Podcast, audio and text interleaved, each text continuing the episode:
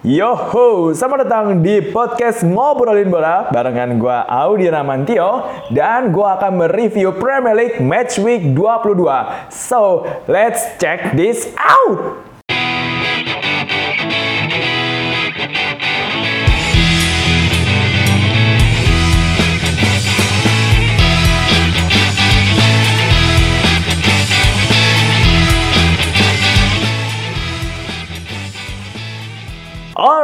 Premier League Match Week 22 menyajikan berbagai banyak drama, banyak pertandingan seru juga dan terjadi pembantaian. Ya tepatnya saat Aston Villa melawan Manchester City karena City menang 6-1 dan di match ini Aguero menjadi top skor untuk pemain asing yang ada di Premier League ya, uh, foreign Premier League foreign top score all time. Nah, dia melewati rekornya Thierry Henry karena Thierry Henry itu total golnya di Premier League itu ada 175 dan Aguero ini udah mencapai angka 177 dan juga menjadi peringkat keempat Premier League top score all time alias uh, top score Premier League sepanjang masa. Dia di peringkat 4 di bawah Andy Cole dengan 187 gol, Wayne Rooney dengan 208 gol dan Alan Shearer 260. Dan ngomong-ngomong, angka Aguero 177 ini juga menyamai angka golnya Frank Lampard itu dengan angka 177 juga ya. Ini uh, data dari Sky Sports. Well, Aguero itu pemain favorit gue kalau gue lagi main uh, PES atau lagi main FIFA ya. Sumpah enak banget pakai Aguero. Tendangannya kenceng, larinya kenceng, bodinya bagus. Wah, pokoknya Aguero tuh buat gue striker ideal banget ya kalau misalnya udah pakai Aguero gitu kalau misalnya gue pakai timnas Argentina atau pakai Manchester City, be, itu dia bisa nyetak 2, 3, 4, 5. Enak banget sumpah pakai Aguero. Dan memang di nyatanya, di kehidupan nyatanya dia, dia memang sejago itu. Dia memang sekeren itu. Gini, kalau buat gua Aguero tuh bukan cuma ya dia kenceng larinya, dia dribblingnya bagus, kontrol bolanya bagus, finishingnya juga keren banget. Uh, bisa nyetak gol lewat kepala, kaki kiri, kaki kanan, dan nyetak gol dari berbagai situasi, menerima berbagai macam umpan dari uh, pemain-pemain yang tipenya beda-beda, yang pemain di belakangnya dia. Bukan cuma itu doang gitu, tapi Aguero itu yang gue paling salut adalah dia bisa uh, menjaga performanya meskipun dia sering banget belanja cedera loh. Lu sadar gak sih Aguero itu sering banget cedera di Manchester City. Buat gue dia sering banget. Yang hamstring lah, yang lutut lah, yang ankle lah. Pokoknya ada aja dia cederanya. Tapi inilah pemain kelas dunia itu adalah dia yang bisa menjaga performanya dia meskipun berbagai macam uh, halangan dan rintangan uh, datang pada dia gitu kan. Karena uh, ya seperti yang lo tahu cedera itu memang momok bagi setiap pesepak bola dan pemain-pemain yang udah pernah kena cedera bukan sekali dua kali tapi berkali-kali terutama di bagian otot, bagian tendon itu sulit banget balik ke performa terbaiknya dia gitu kan. Nah, tapi Aguero menunjukkan cedera-cedera itu tidak menghalangi dia untuk mencetak 177 gol di Premier League. Jadi, well, dia sudah melakukannya sejak datang ke City tahun 2011 kemarin uh, pas masih pelatihnya Manchester um, pelatihnya tuh Mancini dan uh, meraih gelar Premier League berapa kali dia dapat ya? Empat kali ya dia dapat Premier League ya tapi belum pernah dapat Liga Champion. Uh, dan menurut gue ini uh, sesuatu yang sangat luar biasa dan di usianya dia yang udah kepala tiga begini dia masih tetap produktif dan gue rasa dia akan terus produktif dia tuh kayak kayak Lewandowski lah kalau gue lihat sih. Bisa dia uh, jaga performanya meskipun usianya dari kepala tiga. Mungkin dia baru benar-benar habis itu umur 34 35 tapi enggak lah Zlatan Ibrahimovic aja tuh. Kemarin dia nyetak gol kan di, di Milan kan pas lawan Cagliari. Umur 38 tuh Zlatan tuh kan tapi masih bisa nyetak gol kayak begitu. Lagian si Zlatan juga dapat 40 gol di PSG pas usianya ke 35 jadi menurut gue striker seperti Aguero ataupun Lewandowski ini dia akan masih tetap bisa menjaga performa terbaiknya sampai usianya mungkin lewat 35 ya kalau cederanya dia nggak separah-parah itu dan dia badannya masih nurut apa yang dia inginkan sih pasti bisa lah. Ini pemain kelas dunia loh, jadi kayak well uh, kita uh, harus respect lah sama Aguero ini untuk performanya di Premier League. Dan untuk pertandingan Aston Villa Manchester City itu sendiri gue sih ngeliatnya kayak ini ya kalau lo lagi main Master League ya di uh, Pro Evolution Soccer atau misalnya lo main uh, liga di FIFA gitu ya itu kayak lo tim udah keren banget terus pemain lo tuh udah yang skill tuh 90 plus banyak kan 90 plus gitu kan. Terus lo lawan tim kecil gitu terus bantai 6-1 tuh. Gue ngeliat pertandingan itu seperti itu gitu loh kayak mudah aja gitu City nyetak gol. Kayak semuanya kayak gampang gitu loh apalagi golnya Aguero yang ketiga tuh yang udah skor 6-0 kan. Itu hasil dari blunder dan finishing Aguero ya itu finishing yang biasa gue lakukan juga kalau misalnya lagi make dia di PS ya jadi dan juga gol-gol City yang lainnya yang dicetak sama Mares sama Jesus juga itu buat gue sih ya buat gue itu terlalu mudah. Dan sepertinya si Aston Villa hmm, mungkin dia akan kembali ke Championship. Karena gue lihat Aston Villa musim ini dia kayak Fulham tahu musim kemarin beli banyak pemain beli banyak pemain ya kan mahal-mahal gitu kan. Ya meskipun meskipun bukan pemain kelas dunia gitu tapi beli pemain banyak gitu sampai lebih dari lima pemain kan dia. Tapi ya performanya begitu gitu kan. Jatuh banget. Fulham juga pas musim kemarin kalau nggak salah begitu kan. Dia juga beli banyak pemain. Uh, tapi akhirnya degradasi juga kan. Jadi menurut gue membeli banyak pemain itu tidak menjamin timnya akan stay di Premier League ya. Yang penting kalau misalnya beli pemain itu kan pemain yang pas dengan tim, bukan pemain numpukin pemain bagus banyak-banyaknya di satu tim itu. Tapi kalau pemain bagus itu tidak cocok dengan permainan tim, tidak bisa berkoordinasi satu sama lain, terlebih lagi kalau pemain barunya itu banyak kan dari luar Premier League. Jadi dia tuh belum ngerti Liga Inggris itu sendiri kan. Jadi dia harus adaptasi dan yang harus adaptasi bukan dia doang, bukan satu orang, tapi kan banyak orang gitu kan. Banyak pemain baru yang lainnya lagi juga harus adaptasi kan. Jadi kayak uh, menurut gue sih ngerekrut pemain sebaik itu bukan sesuatu yang bijak sih. Nah ngomongin soal rekrutmen, nanti gue akan membahas uh, dari Tottenham Liverpool. Nanti juga ada apa namanya gue masukin uh, interviewnya Jurgen Klopp sama Jose Mourinho di post match interview dan juga uh, salah satu kutipan pernyataannya dari Jamie Carragher uh, post match juga itu di Sky Sport ya. Nah, gue suka banget nonton Premier League tuh di Sky Sport ya. Kalau lo tahu cara nontonnya tuh asik lo nonton Premier League di Sky Sport. Apalagi kalau misalnya lo terbiasa denger bahasa Inggris British gitu kan. Gue tuh lebih lebih kena bahasa Inggris British karena gue memang ngikutin Premier League udah lama dan gue biasa nonton semenjak gue kuliah di Jepang tuh nontonnya dari Sky Sport atau enggak BT Sport. Jadi kayak panditnya tuh udah biasa gue dengerin mereka ngomong tuh pakai British English ya. Jadi kalau gue denger American English tuh rasanya aneh aja. Oke, kita masuk aja langsung ke match Tottenham Liverpool Liverpool. 1-0. Oke, okay. uh, eh, lu boleh bilang Liverpool hoki, Liverpool beruntung. Iya, itu harusnya nggak gol karena bolanya uh, Aurier tuh harusnya tuh outnya Mane, tapi ya oke okay lah. Uh, memang kalau tim mau juara, juara liga, ini gue ini ini gue setuju sama apa namanya pernyataannya si coach Justin ya di DPI karena main bagus main bagus sama apa namanya uh, sama menang itu dua hal yang berbeda. Lu bisa menang tanpa main bagus, tapi lu bisa tapi lu main bagus belum tentu menang ya kan? Nah, Liverpool nih yang meskipun dia tampil dominan, tapi sebenarnya dia nggak banyak menciptakan peluang loh. Dan peluangnya tuh nggak banyak yang membahayakan gawangnya Spurs tuh. Dia berapa memang dia mendominasi possession ya, dia memang menguasai bola, dia banyak melakukan serangan gitu kan, lewat crossing-crossing ataupun lewat tusukan. Tapi chance-nya dia yang bener-bener membahayakan gawangnya Spurs tuh nggak banyak di match itu. Mungkin yang nggak jadi gol ya, mungkin si uh, headernya Virgil van Dijk ya yang pas dia nerima umpan dari Henderson yang udah deket banget sama gawang dan ya yeah, it's good save from uh, Paulo Gazzaniga ya. Uh, dan Spurs ya itu Spurs. Bukan Spursnya sih sebenarnya tapi Mourinho-nya itu memang dia mencoba bermain bertahan. Mourinho setiap kali ngelawan Liverpool begini gitu mainnya tuh kan. Dia main bertahan parkir bus counter attack ya kan. Terus nunggu Liverpool bikin salah tuh tapi terus dimanfaatin. Tapi sayangnya nggak ada yang jadi gol. Dan memang dibilangin hoki Liverpool menang iya karena ada satu peluangnya si Spurs lewat Lo Celso nggak salah Giovanni Lo Celso yang udah di depan banget gawangnya Liverpool dia pakai sliding kick dan bolanya melebar ke, ke ke samping kan, melebar ke kanan kan. Padahal tuh Alisson udah mati langkah gitu loh. Alisson udah mati langkah.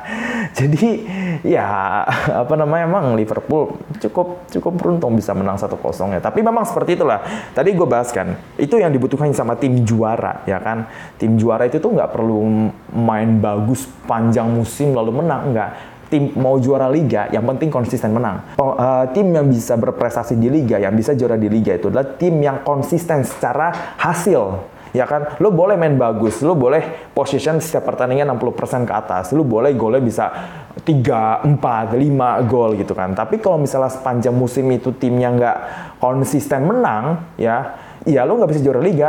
Mendingan 10 pertandingan tuh skornya 1-0 semua atau 2-1 semua ketimbang Misalnya pertandingan pertama lu menang 4-0, pertandingan kedua menang 5-0. Pertandingan keenam lu kalah 1-0 sama tim lawan lu. Pertandingan ketiga, eh pertandingan keempat lu seri, pertandingan kelima lu kalah lagi.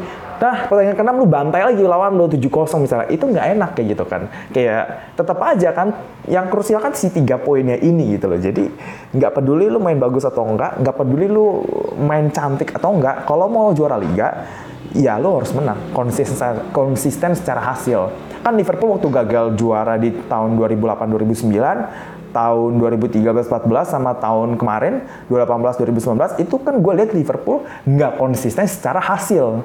Gue nggak ngeliat Liverpool konsisten secara hasil dan satu lagi bukan cuma hasil, tapi jumlah kebobolan, ya kan? Tadi gue bilang, mendingan 10 pertandingan lu menang 1-0, ya kan? Selain itu dapat 3 poin, itu gawang lu tuh steril. Dari dari gol tuh steril. Gue inget banget waktu 2013-14, Liverpool oke okay lah. Suarez mainnya keren, Sturridge mainnya keren, Coutinho mainnya keren. Tapi Liverpool bayarkan kebobolan dia menang tuh kayak 5-3, 4-2, 4-3, 2-1, 3-2. Selalu ada kebobolannya gitu loh. Dia skornya tuh nggak pernah yang nol di musim ini, oke okay lah Liverpool sering banget dia menang 2-1, 2-1, 2-1 ya. Dan ini udah enam pertandingan clean sheet. Ini yang penting untuk menangin liga gitu loh kan. Oke okay lah, memang dia kebobolan satu gol gitu. Tapi dia nyetak lebih banyak gitu loh.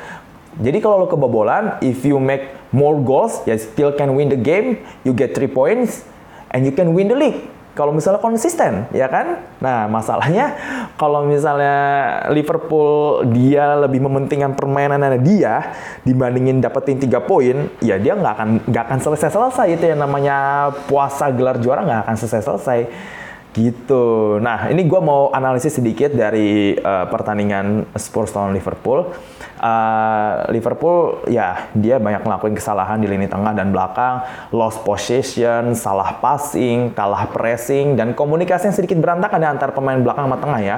Karena beberapa kali Joe Gomez, Henderson, uh, Wijnaldum, uh, Robertson juga beberapa kali dia kehilangan bola gitu. Ah, maksudnya dia kepres sama pemain Spurs dan akhirnya bolanya lepas atau kayak salah passing gitu kan. Bolanya out atau misalnya nggak nyampe.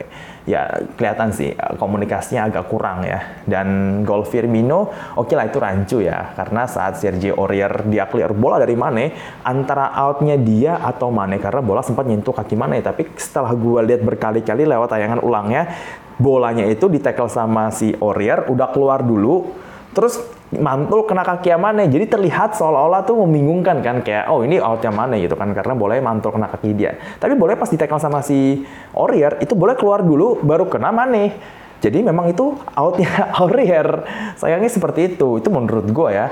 Golnya Firmino itu sendiri juga prosesnya ada cek VAR dulu kan soal hands bola dari Henderson. Tapi itu jelas, itu jelas sundulan Hendo itu kena tangannya Dele Ali terus mantul ke salah. Jadi kayak kan si Hendo kan dia nyundul dulu kan. Terus kan kayak jadi kan dia tangannya ke depan. Abis itu si Dele Ali juga mau defend kan. Itu kena tangannya Dele Ali dulu. Kalau misalnya mau handsball, Liverpool yang dapat handsball, penalti kan. Cuma nggak perlu karena Liverpool udah nyetak gol dari Firmino kan. Dan juga untuk golnya Firmino sendiri, insting nyetak golnya tuh bagus ya. Dia nggak kelihatan, nggak ngelihat gawang pas nendang bola. Dia tapi yakin bolanya bakal masuk gitu. Dan dia bisa nyetak gol pakai kaki kanan, kaki kiri, lewat header. Dia aslinya kanan by the way. Dia nyetak gol dengan tendangan kaki kiri dengan sangat akurat, placementnya bagus di pojok kiri gawangnya Gazaniga. dan dia memanfaatkan titik titik matinya si Gazaniga karena Gazaniga gue rasa dia dia mungkin ngiranya Firmino bakal tendang datar makanya dia badannya turun duluan kan baru tangannya tangan kirinya yang uh, coba ngeraih bola tendangan Firmino tapi ya itu uh, Firmino berhasil mengecoh Gazaniga dan akhirnya itu gol ya Uh, dan juga Alisson dia banyak dapat nangkap bola karena posisi ini yang pas, ketenangan dan koordinasi dengan lini belakangnya jadi terbaca karena ke mana penyerang lawan akan menempatkan bola. Dia kan sering banget kan, dapat bola, tangkep, dapat bola, tangkep gitu kan. Dia positioning yang bagus. Jadi ini salah satu juga obrolan uh, post match di Sky Sports antara Jamie Redknapp, Jamie Carragher sama Gary Neville. Uh, Jamie Carragher bilang uh, world class goalkeeper itu membuat everything looks easy gitu loh. Dia tuh nggak perlu kayak yang benar-benar melakukan tepis atau apa sih uh, lompatan kayak macam kayak Casillas gitu untuk nge-save bola karena dia dia menempatkan dirinya di tempat yang benar untuk menahan bola itu dengan cara yang mudah dengan cara yang simple yaitu tangkep gitu kan jadi inilah yang dimiliki oleh Alisson seperti itu. Dan uh, eh, gue mau ngasih interviewnya Jurgen Klopp barengan uh, reporter dari Sky Sports Patrick Davidson. Ini dia. Jurgen, what did you make of that performance and that result? Well, first and foremost, the result is the most important thing. We wanted, I think, there was one team who deserved to win tonight. It was us, and that away against Tottenham is pretty special. That the game was not decided after 50, 60 minutes was of course our fault as well. We we had big chances, didn't didn't score with them. We had situations where there didn't even were chances at the end. But, but when we play Robbo on the touchline completely free and four players in a box free, and we hit the first um, defender, that should be a big chance. Let's try it at least, and then we can still miss it. So, um, but of course, then it was hectic. It was very intense for us as well. It's difficult to come here, and of course, you can expect a little bit that they that they defend deep. But um, in the stadium, um, it was still it was four six in the first half. I think the system like you didn't really know for counter attacking, and they are really good in that. So it's not allowed to lose any balls, pretty much. Set pieces, they had a few, and of course a few shots in the second half where Ali was then there. Um, but yeah, um, I'm I'm fine. It's not that I that I think we cannot do better. It's actually the opposite. I spoke already to the boys, but um, if it would be easy to win here, much more teams would do it. Why are you not elated then as such? Because I see a football game, and there's one part of the football game is the result. Most important. I'm over the moon about that. It's really special.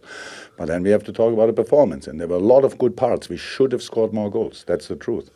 So I'm not like this that I go for the boys and say you have to make this, but it's we have to we have to um, be honest to ourselves, and that's what we are. Um, so we could have we could have scored more, and that um, when you can do that, you have to do it, especially against an opponent like Tottenham in a stadium like this, where the people probably were not overly happy with the game of majority of the time, but then. I think um, after, I don't know exactly, but let me say the last 10, 12 minutes or so, then they came up, had these runs, the people pushed them, uh, we were on the ground, stuff like this. How I said, the, the, season, the period of the season is still intense. And today, after all the games we had step by step, for all the teams, the problem is now that you have now a slightly longer break. That's good physically, but it costs you rhythm. And you have to learn again to use um, your body with all you have. And you saw that today. So it was not a physical problem. But second half, you saw a couple of players were uh, slightly exhausted. And um, But that's, that's okay. We fought through that, and um, so I'm fine. What about the contribution, once again, of the goal scorer, the winner, Roberto Firmino? How much does he offer you in so many different ways? Massively important, massively. But they, they, they all. I, I, have no Bobby Firmino. He plays all the time, so that's probably the best thing I can say about him. That that, that um, we have other players there, and they, they, he plays. He's on the pitch, so um, yeah, incredibly important. Of course, super goal. But in that moment when he scored a one 0 it should have been already two 0 um, I would say, because the very first chance we had was a double chance Ox to the, I think it was Bobby with the first finish, then Oxley onto on the post. So that, that's the thing. But of course, this goal exceptional. We played super football, especially in their box. We had a few really good moments, like um, um, one twos and stuff like this. I'm, I'm fine with that. But 95 minutes, 96, I don't know exactly with both extra times. Um, you have to be ready and, um, and you have to dig in, and we did that. I'm fine with that, but still think we can do better you've steadfastly refused to be interested in any records coming up, or you've said you've said, look, if they happen, it's as a consequence of us doing things right. Yeah. Now that you have made the best start ever by any club ever in the top level division, in this country. What does that say to you? That's special. That's what I said. If it would be easy, then um, a lot more teams would have done it. It's really difficult to, to win the number of games, always to be ready to fight on your best day, on your worst day, on the average days, always that. That was the, what the boys do. That's why we are here. I'm really happy about it. The only problem is um, you don't get anything for best starts apart from numbers. And if people say in 50 years still was the best start, cool.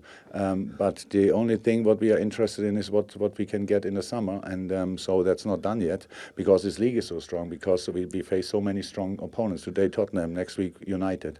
So they fight for everything. And not only for that, and we are Liverpool, that's United, and Tottenham had a special story with us now uh, recently, and now United have it historically. So they go with all they have until the last second, and we have to be ready for that, and that's what we try. But how healthy is your position right now? 16 points ahead, game in hand. Yeah, and City playing tomorrow, tonight? I'm not sure. Tomorrow. Tomorrow. yeah, tomorrow. So yeah, that's nothing. It's not interesting. It's really not interesting. In the moment when we have enough points that nobody can catch us anymore, then we start talking about it. Until then, I couldn't be less interested. Ya, seperti itulah. Ternyata Jurgen Klopp sebenarnya dia senang dengan kemenangan timnya, tapi dia nggak puas dengan permainan timnya.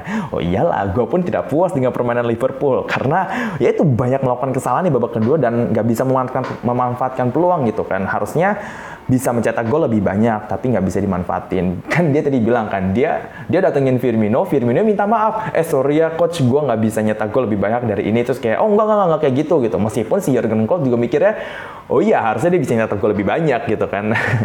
tapi ya nggak apa-apa, yang penting ini tiga poin yang tadi gue bilang kan, uh, Liverpool butuh tiga poin untuk menjaga kansnya juara Premier League, ter terutama si Leicester kan kalah 1-2 sama Southampton kan. Uh, jadi tiga poin ini benar-benar krusial. Sekarang jaraknya udah 16 poin dan kalau dia konsisten kayak begini terus menang menang menang menang apalagi dia punya satu game yang belum dimainin lawan West Ham. Kalau itu menang, Liverpool itu menang sama sama si Leicester jadi 19 poin ya, sama City jadi 17 poin. Itu udah itu sulit sih menurut gua, menurut gua udah sulit. Gimana gimana pun ceritanya tetap Liverpool tetap sulit dikejar gitu loh. Jadi dia benar-benar semakin di depan. nah, jadi si Liverpool juga dia dapat uh, rekor kan. Dia tuh kalau nggak salah dapat rekor uh, 6 plus 61 poin di 21 games untuk uh, musim ini. Jadi ini new top flight record. Oke, okay. itu sebenarnya rekor yang sangat cantik dan dia juga tidak terkalahkan di kompetisi domestik. Eh, dia nggak kalah di Premier League karena dia kalah di di Carabao Cup sama FA Cup ya. Kalau kau bilang kompetisi domestik, dia nggak kalah di Premier League dari tahun 2018 kemarin kan. Eh dari 2019 kemarin kan terakhir kali kalah sama City 1-2. Uh, tapi setelah itu dia nggak pernah kalah kalah kalah kalah kalah lagi. Ini sungguh rekor yang cantik ya. Angkanya ini benar-benar menjanjikan tapi sayangnya Jurgen Klopp dia tidak tertarik ngomongin soal rekor. Dia juga nggak tertarik dianjar poin dengan tim-tim di bawahnya. Sampai ada kepastian kalau nggak ada lagi tim yang bisa nyalip Liverpool di musim panas nanti. Jadi inilah, lu sebagai manajer, sebagai pelatih, lu jangan jumawa dengan rekor, pujian, jarak poin yang jauh. Karena itu kalau lu sedikit aja, sedikit aja kilaf ya, sedikit aja takabur alias sombong, nanti kekejar beneran gitu kan. Konsentrasi tim lu adalah untuk memenangkan game selanjutnya. Lu nggak usah lagi mikir kayak di akhir musim kita bakal dapat Premier League, iya harus atau gimana gitu. Enggak, yang lu yang lu pikirin lu menang di game selanjutnya. Karena lu kalau nggak bisa menangin game, ya lu nggak bisa menangin liga ya kan jadi kalau mau menangin liga lu konsentrasi sama uh, games selanjutnya seperti itu. Nah, uh, margin kemenangannya Liverpool dari ya satu uh, menang satu gol 10 kali, menang dua gol tiga, menang dua gol sama tiga gol lima kali. Ini juga data dari Sky Sports ya. Uh, itu tadi gue bilang kan, mendingan lu menang dengan margin beda satu gol. Tadi kan wins by one goal 10 times ya kan. Ini mendingan menang 1-0 berkali-kali, menang 2-1 berkali-kali. Ugly win terus-terusan juga nggak apa-apa. Karena yang buat menangin liga, lu mesti ngumpulin 3 poin sebanyak-banyaknya. Yang penting lu nggak kalah. Itu dulu aja gitu kan. Urusan main cantik tuh belakangan ya. Beda gitu loh. Lu kalau lu kalau tujuan lu menangin liga ya, lu harus melup, lu kadang-kadang di beberapa games harus melupakan permainan lo. Lo harus melupakan permainan lo. Lu cuma pikirin jangan kebobolan dan cetak gol apa pun caranya. Bunuh diri, penalti, uh, bola muntah, terserah. Yang penting gol gitu kan. Karena itu yang dibutuhin untuk menang liga oke okay lah mungkin kita tuh mungkin fans sepak bola seluruh dunia itu terlena dengan permainannya Pep Guardiola. Baik waktu dia di Barcelona maupun di City waktu dia menangin liga permainannya cantik menghibur tiki taka dan apa komersial TV-nya jadi naik karena banyak orang yang menonton pertandingan yang menghibur seperti Manchester City-nya Pep Guardiola itu. Tapi tapi Liverpool ini kan udah 30 tahun nggak pernah menang liga dan dia yang tujuan terbesarnya adalah menangin Premier League gitu kan. Lu kalau mau menangin Premier League, lupain main bagus tiap pertandingan. Lupain, lupain, lupain. Gak usah main bagus tiap pertandingan. Yang penting menang dulu. Yang penting menang dulu. Yang penting tiga poin. Urusan main bagus, lu bisa evaluasi untuk next game. Ya, katakanlah dari 38 match Premier League, dia cuma bisa main cantik 30 kali. Ya kan, 8 kalian ini ugly win semua. Ya nggak apa-apa nggak masalah gitu kan. Yang penting yang penting lu yang penting lu nggak kalah lu nggak seri lu nggak kehilangan poin. Itu dulu ya. Jadi buat fans-fans yang kata si coach Justin atau Kardus ya, tolong lu ini apa uh, bedain itu yang mana main bagus yang mana yang harus menang. Dan buat menangin liga yang penting konsisten. Beda kalau buat menang yang menangin cup, cup itu tuh kayak misalnya Champions League lu punya dua leg nih di uh, knockout ya kan. Misalnya leg pertama lu kalah, leg kedua lu bangkit kayak misalnya kayak kayak Liverpool tahun kemarin lah. Ya kan atau kayak Tottenham tahun kemarin lah gitu kan atau kayak Barcelona yang ngebantai PSG 6-1 setelah kalah 4-0. Itu bisa dilakukan di Liga Champion gitu kan kayak lu kalah, iya nggak apa-apa, iya kalah leg satu lu kalah gitu. Tapi lu leg 2 bisa masih bisa menang atau leg 1 lu menang, leg 2-nya kalah tapi agregatnya tuh nggak lebih dari golnya lu gitu kan. Ya itu itu masih bisa dilakukan lu itu juga kayak itu itu lagi gitu kan. Lu nggak perlu juga di situ main cantik gitu. Yang penting menang gitu loh. Jadi gini, uh, gua ngerti ada banyak orang yang yang yang sekarang tuh mendewakan sekali permainan cantik uh, tiki taka uh, sepak bola menyerang sepak bola yang menekan itu memang enak ditonton. Ya gue juga menikmati itu kan. Tapi balik lagi gitu yang namanya olahraga apa pun olahraganya itu uh, mau sepak bola badminton basket tenis pemain datang pemain tuh bertanding tuh untuk apa? Untuk menang kan? Untuk menang gitu. Lo kalau main cantik lima kali games misalnya lima limanya kalah dan seri, tapi lo mainnya cantik, tetap nggak ada artinya buat pemain gitu loh kan. Lo nggak bisa yang terlalu idealis harus main cantik dan menang gitu kan. Lo harus sesuaikan, lo harus tahu tujuan lo apa. Kalau Liverpool tujuannya adalah untuk menangin Premier League, dia nggak usah berkonsentrasi untuk bermain cantik setiap game Nah, jangan nggak usah ngikut-ngikut City. City bisa kayak begitu karena memang Pep Guardiola bisa menerapkannya dan cocok di timnya gitu. Kalau Jurgen Klopp nggak bisa kayak begitu, ya nggak apa-apa. Yang penting dia menang. Gitu menurut gua. Oke, itu dari sisi Liverpool. Sekarang gue mau pindah ke sisi Tottenham Hotspur. Sebelumnya kita dengerin dulu. Ini interview post match uh, dengan Patrick Davidson, reporter Sky Sport. Ini dia Jose Mourinho uh, ya. Dia dia dia dia kecewa sama hasil pertandingan ya. Tapi uh, bangga dengan permainan timnya dan uh, dia bilang Liverpool laki. Ya ya ya hoki. Ya ya ya. Apa kata lo dah? Bener bener bener. Lo laki emang Liverpool ya. Gara-gara yang Lo Celso dia bola yang lebar itu kan. Ya dan juga si apa namanya Robertson juga yang soal tackle ya ke tangannya itu kan. Katanya wasitnya minum teh bukan liatin VAR kalau liatin VAR VAR pasti di kartu merah tuh Robert Robertson. dengerin interview Mourinho itu memang seru ya. Premier League kalau nggak ada Mourinho itu emang kadang-kadang nggak seru gitu, kurang greget gitu, kurang menggigit gitu. Kalau tapi Mourinho yang sekarang tuh agak lebih humble ya setelah dia kerja jadi pandit di Sky Sport, apalagi nih yang interview kan orang Sky Sport juga kan. Jadi dia dia lebih ramah sekarang ke, ke media tuh karena dia udah jadi pandit dia di Sky Sport. Sebelumnya dia di Bein Sport juga beberapa kali jadi guest kan. Ya, tapi ya anyway, uh, dia mengubah build up tim dari back three menjadi back four setelah memasukkan Lo Celso sama Lamela, ya kan? Dan uh, Nah, ini debutan yang diberikan tampil sama Jose dinilai tampil bagus dan solid di lini belakang.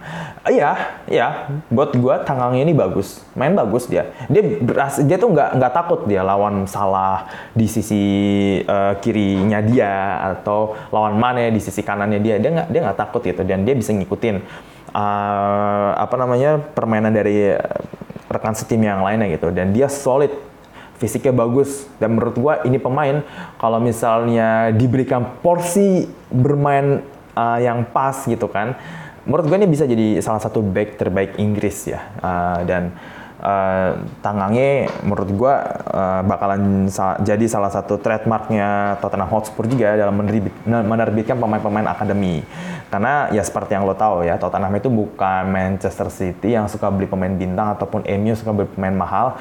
Dia lebih suka menerbitkan pemain muda atau dia membuat pemain biasa-biasa jadi pemain bagus gitu kan.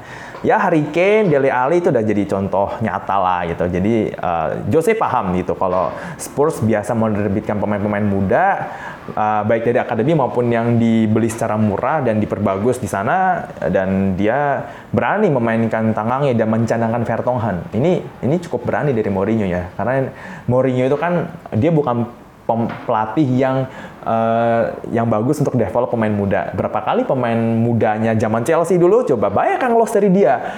Salah, De Bruyne itu kan salah satu contoh pemain muda yang tidak dibina oleh Mourinho kan. Nah, tapi di Spurs ini gue rasa dia paham kalau Tottenham itu memang klub yang uh, suka menerima pemain muda dan mem mempercantik pemain muda yang dibeli dari akademi lain ataupun dari klub lain.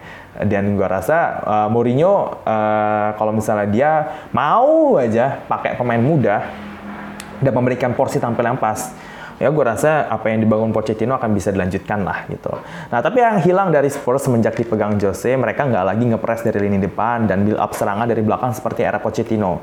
Uh, terlihat mereka hanya memanfaatkan kesalahan-kesalahan Liverpool dalam membuat peluang bukan build up serangan dari belakang ke depan. Uh, karena sepak bola ini saat ini kan kalau mau compete di top flight permainan pragmatis seperti Mourinho itu nggak bisa bersaing. Ya gue setuju ini juga salah satu diskusi antar uh, panditnya Sky Sports setelah uh, pertandingan gitu. Tapi menurut gue memang gue akui lu kalau main pragmatis kayak Mourinho mungkin lu bisa menang pertandingan 2, 3, 4 match tapi untuk berprestasi di Premier League itu sendiri untuk bisa bersaing dengan uh, Big Six yang uh, klub-klub Big Six yang lain, even untuk klub kayak misalnya Wolverhampton atau misalnya Everton kalau pas dia udah bangkit uh, bersaing sama klub-klub uh, seperti Crystal Palace itu aja tuh menurut gua nggak uh, cukup. Nggak cukup ya, tidak cukup bagus ya. Karena sepak bola sekarang tuh udah diperkenalkan bermain menyerang secara kolektif dengan build up serangan dari belakang dan pressing tinggi. Garis pertahanannya tuh nggak sedip apa yang diterapin Mourinho gitu kan. Dia kan garis pertahanannya kan terlalu deep kan, terlalu ke belakang kan. Sedangkan permainan sekarang tuh garis pertahanan tuh benar-benar tinggi gitu loh. Setinggi itu tuh kayak sampai hampir nyentuh lapangan tengah dan pressing itu tinggi banget sumpah kayak satu pemain misalnya satu pemain dia megang bola nih nah itu pemain yang lainnya katakanlah empat pemain yang lainnya itu dia udah mengkotakkan si satu pemain itu untuk ngepres. Jadi dia kalau mau bergerak ke kanan ke kiri ke belakang itu udah udah ditembel sama pemainnya gitu dan kalaupun dia dia mau ngoper, ini kan empat pemainnya kan bergerak ngikutin gerakan dia kan. Dia akan menutup ruang uh, apa namanya ruang umpan atau ruang operan gitu. Ah, hasil kalau nggak dioper ke belakang ya operannya nggak nggak nyampe ke pemain uh, lain gitu. Nah itu pressing kayak begitu yang sebenarnya sekarang tuh lagi benar-benar uh, diterapin sama banyak pelatih di luar. Dan kalau misalnya permainan masih pragmatis kayak zaman dia main era 2000-an sih ya nggak bisa. Dia bersaing untuk Big Six untuk juara Premier League pun pasti nggak bisa. Jangan kan juara Premier League lolos Liga Champions aja belum tentu bisa kok gitu kan. Kelihatan waktu dia main di MU tahun terakhir di Chelsea dan sekarang di Tottenham heran gua dia berkali-kali dipecat tapi kok nggak berubah gitu kan batu banget ya gitu loh nah uh, ini gue tadi mau ngomongin soal ini kan uh, rekrutmen. Nah ini gue kasih tahu lo kenapa Liverpool itu uh, secara rekrutmen era Jurgen Klopp uh, jarang banget dia salah beli pemain. Ini alasannya. Salah satu pernyataan dari Jamie Carragher. Semoga lo mengerti bahasa Inggris kaosnya dia ya. Ini dia. Liverpool are looked at as like this model for everyone else to copy now with, with recruitment. But I think when we say recruitment, we talk about every team and it's every, oh, your recruitment's if you don't get that right, you finish type of thing. It's not that Liverpool are just buying players and there's this special ability that no one else sees these players. Actually, you're talking about Robertson, he come from Hull. Wijnaldum got relegated. and I think Robertson got relegated with Hull. Wijnaldum got relegated with Newcastle. Salah had been at Chelsea. Mane was in the Premier League for, for a few years with Southampton. So you're actually looking at it and thinking it's not like Liverpool are just going to the best clubs in the world and buying the best players. It's okay buying players. It's what you do when you've got with them. And I think sometimes we forget that when, when we talk about Manchester United maybe recruitment in the past few years or different teams. Once you've got that player, you've got to improve that player. And that's what Jurgen Klopp probably doesn't get enough credit for. The actual work he does probably as a coach and what Liverpool do when they get these players in and make them the level that Liverpool aren't buying superstars, they're making them superstars. Ya, uh, dia lupa mention satu orang lagi, Shakiri juga uh, degradasi sama Stock City ya, dan dibeli sama uh, Liverpool dengan harga yang sangat murah. Dan juga dia beli pemain-pemain uh, murah lainnya, murah meriah menurut gua, uh, semacam misalnya kayak yaitu Robertson, uh, Wijnaldum, terus Minamino tujuh setengah juta, wow. dan dia, dia, dia dan dia juga mempercantik pemain-pemain yang udah ada gitu, kayak Origi, Firmino, dan kalaupun dia beli pemain mahal, itu benar-benar pemain mahal yang tepat untuk mereka kayak Van Dijk dan Alisson ya kan? Terbukti kan itu bukan Liverpool beli bukan cuma soal harga. Dia ngeluarin harga tinggi karena dia tahu kualitas pemain itu tuh bagus banget. Sebagus itu sampai layak dihargai 75 juta 80 juta gitu kan. Dia tuh nggak kayak tim-tim lain yang oh kita tuh tim terbaik dunia jadi kita harus membawa seluruh pemain terbaik dunia tuh ke tim kita tuh. Nggak kayak gitu juga cuy. Kan dibilangin kan ngerekrut pemain itu yang penting pemainnya bisa pas dengan filosofi pelatih, bisa pas dengan gaya bermain timnya dan cocok dengan liganya gitu kan. Lu boleh aja ngambil pemain dari luar Premier League gitu kan. Kayak misalnya si Jurgen Klopp dia bawa waktu bawa salah dari AS Roma ke Premier League, oke okay, dia pernah main di Chelsea, tapi dia nggak sering main di Chelsea dulu kan. Dia lebih banyak dulu tuh mainnya kan di Fiorentina sama AS Roma kan dari Serie A tapi kan bisa dia beradaptasi dengan uh, gaya permainannya Premier League yang secepat itu, yang se sekeras itu, dan juga permainan Liverpool yang ngepres banget itu, dia bisa ngikutin kan. Karena kenapa? Jurgen Klopp udah tahu ini pemain pasti cocok sama filosofi gue. Dia udah ngobrol dulu sama pemainnya, ngomong dulu sama agentnya, dan ya kapan dia kapan Jurgen Klopp dia salah beli pemain tuh menurut gue beberapa doang kayak misalnya Ragnar Klavan waktu beli di 2016-17 oke okay lah dia missing lah menurut gua. Uh, siapa lagi yang dia tuh pembeliannya itu kurang tepat? Si Jurgen Klopp. Ah lupa gua. Nggak inget gua. Rata-rata pemain yang dia beli dipakai semua kok. Ya kan? Ya nggak sih? Pemain yang dia beli itu dipakai semua kan sampai hari ini kan?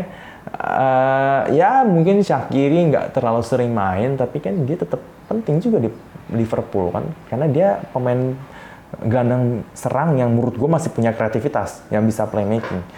Jadi uh, menurut gue itulah Jurgen Klopp itu pinternya di sana. Terus lu juga lihat Guardiola. Guardiola dia coba beli pemain cuma satu kan musim ini. Meskipun menurut gue ini kesalahan ya karena dia harusnya beli pemain penggantinya dari Vincent Company dia beli Rodri. Rodri langsung nyetel di City ya kan? Nyetel dia menurut gue Waktu pas musim kemarin dia beli Mares kan kalau nggak salah. Dia beli Mares sama beli ah oh enggak musim ini dia sama Joao Cancelo, sama Joao Cancelo sama Angelino juga kalau nggak salah kan ya. Angelino. Ya, pokoknya Guardiola tuh juga dia lebih dia udah dia beli banyak pemain waktu pas di musim pertamanya 2016-17. Lalu dia lanjutin lagi di 2017-18 dia beli lagi agak banyakan itu. Tapi setelah itu dia belinya sedikit-sedikit kan. Yaitu lu nggak perlu bawa pemain bintang misalnya katakanlah sebesar Neymar atau Mbappe atau misalnya Messi Coutinho nggak perlu gitu loh kan. Kalau lo nggak cocok sama tim lo nggak usah dipaksa-paksain. Ya jadi ini pelajaran juga buat fans MU ya. Lo nggak perlu numpuk pemain-pemain bagus dalam tim lo pemain-pemain bintang. Ya lu beli Di Maria ya lu beli Pogba uh, siapa lagi tuh? Lu beli Lukaku gitu kan. Ujung-ujungnya bapuk juga pasti tim lo kan. Kenapa nggak cocok? Dipaksain. Menurut gue kayak itu agak dipaksain gitu loh. Karena kalau memang dia nggak cocok sama tim lo ya jangan dibeli dia bisa bagus di tim lain belum tentu bisa bagus di tim lo. Itu. Dan dia juga harus punya support system dalam timnya. Jurgen Klopp itu dia memberikan support system di dalam Liverpool dengan dirinya dia yang benar-benar memperhatikan pemain dekat sama pemainnya. Uh, staff pelatihnya juga. Dia membina pemain-pemain itu dengan baik gitu dan memberikan kesempatan tampil tuh ya sesuai porsi gitu kan. Misalnya kayak Fabinho musim kemarin, dia waktu dibeli dari Monaco nggak langsung dimainin jadi utama kan. Dia dicadangin dulu berkali-kali, baru akhirnya dia main gitu kan. Itu kan karena dia harus adaptasi dulu sama Premier League. Dia nggak di, nggak dipaksain untuk kayak, ayo, gue udah beli lu mahal, lu harus main tiap minggu, lu harus main bagus itu kan. Enggak juga, nggak gitu juga kali gitu. Jadi kalau misalnya dibuka transfer, bursa transfer kayak sekarang ya lo kalau mau tim lu bisa lebih maju lebih berkualitas belilah pemain yang tepat. Bukan pemain bagus lu tumpuk dalam satu tim. Karena buat apa? Itu cuma mempercantik uh, squad lo dan enak dipakai kalau lagi main PES atau FIFA cuma nggak bisa berprestasi gitu. Jadi kayak nggak ada artinya sih Oke, lanjut ke hasil-hasil Premier League yang lainnya. Ini juga singkat aja. Chelsea 3-0 lawan Burnley. Ya, ini tiga poin yang penting untuk Chelsea biar menjaga kan stay di top 4 dan lolos ke Liga Champions tetap terbuka dan juga untuk uh, kredibilitasnya Frank Lampard sendiri ya sebagai manajer baru Chelsea, manajer muda, pemain mantan pemain, pemain legenda Chelsea juga uh, dan pemakai pemain muda gitu kan. Uh, ini juga buat kredibilitasnya dia. Nah, gue mau sedikit fokus sama penaltinya Jorginho. Gue selalu penasaran ya, Jorginho itu penalti itu nggak kenceng. Kalau kiper tuh bisa nebak arah bolanya dia pasti ketangkap itu bola. Ya pasti ketangkap dengan mudah gitu. Cuma gue ngelihat setiap kali Jorginho ngambil penalti kiper selalu selalu terkecoh. Jadi setelah gue perhatiin dari penalti ya Jorginho ini ternyata dia tuh ngelihat ke arah berlawanan dari tendangan yang mau dia tendang Terus pas mau nendang, kepala dan matanya tuh kayak misalnya tadi nih, di lawan Burnley ini, jadi kepala sama matanya tuh udah ngeliat ke uh, kiri dia atau kanan kiper. Tapi pada akhirnya dia nendang ke arah yang sebaliknya. Dan katanya ya, Jorginho itu memutuskan dia menendang ke mana itu, nunggu kipernya bergerak ke mana, dari sepersekian detik itu dia bermutusin, dia mau nendang ke arah yang mana. Gitu. Jadi itulah kenapa Jorginho jarang miss penalti ya kan? Gue gue sih gila sih nih orang kok bisa gitu penalti sepelan itu masuk terus gitu. Padahal kalau kipernya nebak bener pasti ditahan itu bola Terus Tammy Abraham ya nunjukin kalau dia memang salah satu talenta terbaik Inggris. Sundulannya membuktikan kalau dia juga mumpuni berduel di udara. Uh, Hudson Odoi mencetak gol setelah kembali dari cedera panjangnya di Premier League dan Azpilicueta menyumbang assist.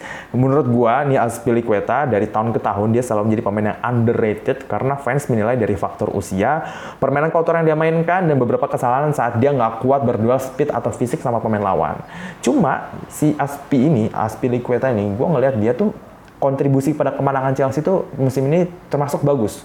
Meskipun beberapa kali ya, ya dia dia kalah kalau duel lari atau duel fisik. Iya dia kalah. Tapi di kontribusi untuk timnya tuh gede. Selain memang dia misalnya kayak nyetak gol atau misalnya ngasih assist itu, tapi pengalaman dan leadershipnya dia yang dibutuhkan oleh skuad muda Chelsea. Ingat Chelsea isi pemain muda, jadi kalau ada pemain berpengalaman, gunakanlah sebaik-baiknya.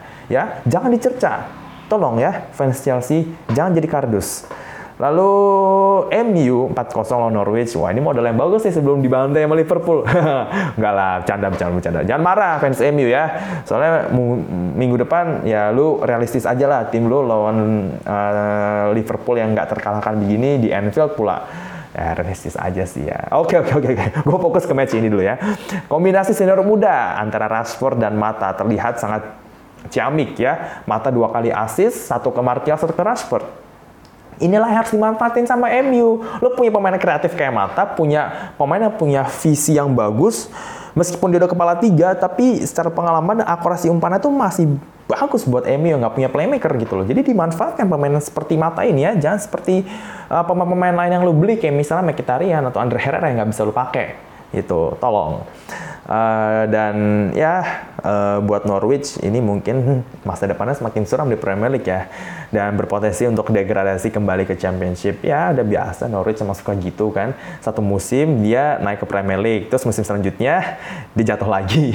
Sorry banget Norwich kayak gitu. Makanya kalau ada Norwich di Premier League tuh kayak Hah, Norwich lagi. Ya, dia cuma jadi nyumbang tiga poin buat tim-tim atas nih. Seperti MU ini yang membutuhkan tiga poin dan kepercayaan diri. Lalu Leicester City 1-2 lawan Southampton ya. Semakin tertinggal ada Liverpool 16 poin sekarang. Uh, lini belakang yang kurang perform dengan membiarkan dua gol balasan dari Southampton setelah unggul 1-0. Dan Danny Ings menunjukkan kalau dia memang penyerang bagus dengan golnya lagi dan dua peluang emas yang kena tiang. Dia semenjak keluar dari Liverpool, si Danny Ings ini semakin bersinar ya menurut gue ya. Itulah itu kalau pemain nggak cedera tuh ya pemain bagus kalau nggak cedera ya begitu. Pemainnya bagus. Gue rasa waktu di Liverpool awal-awal dia betul bagus kan. Pernah jadi player of the month. Terus akhirnya dia cedera dan eh, dia nggak bisa balik ke ritme permainan lamanya. Dia juga nggak kan dia kan waktu main dia masih pelatih Brandon Rodgers begitu dia sembuh dari cedera pelatih udah Jurgen Klopp. Dan ya gitulah persaingan ini di depan Liverpool sungguh-sungguh sangat kejam.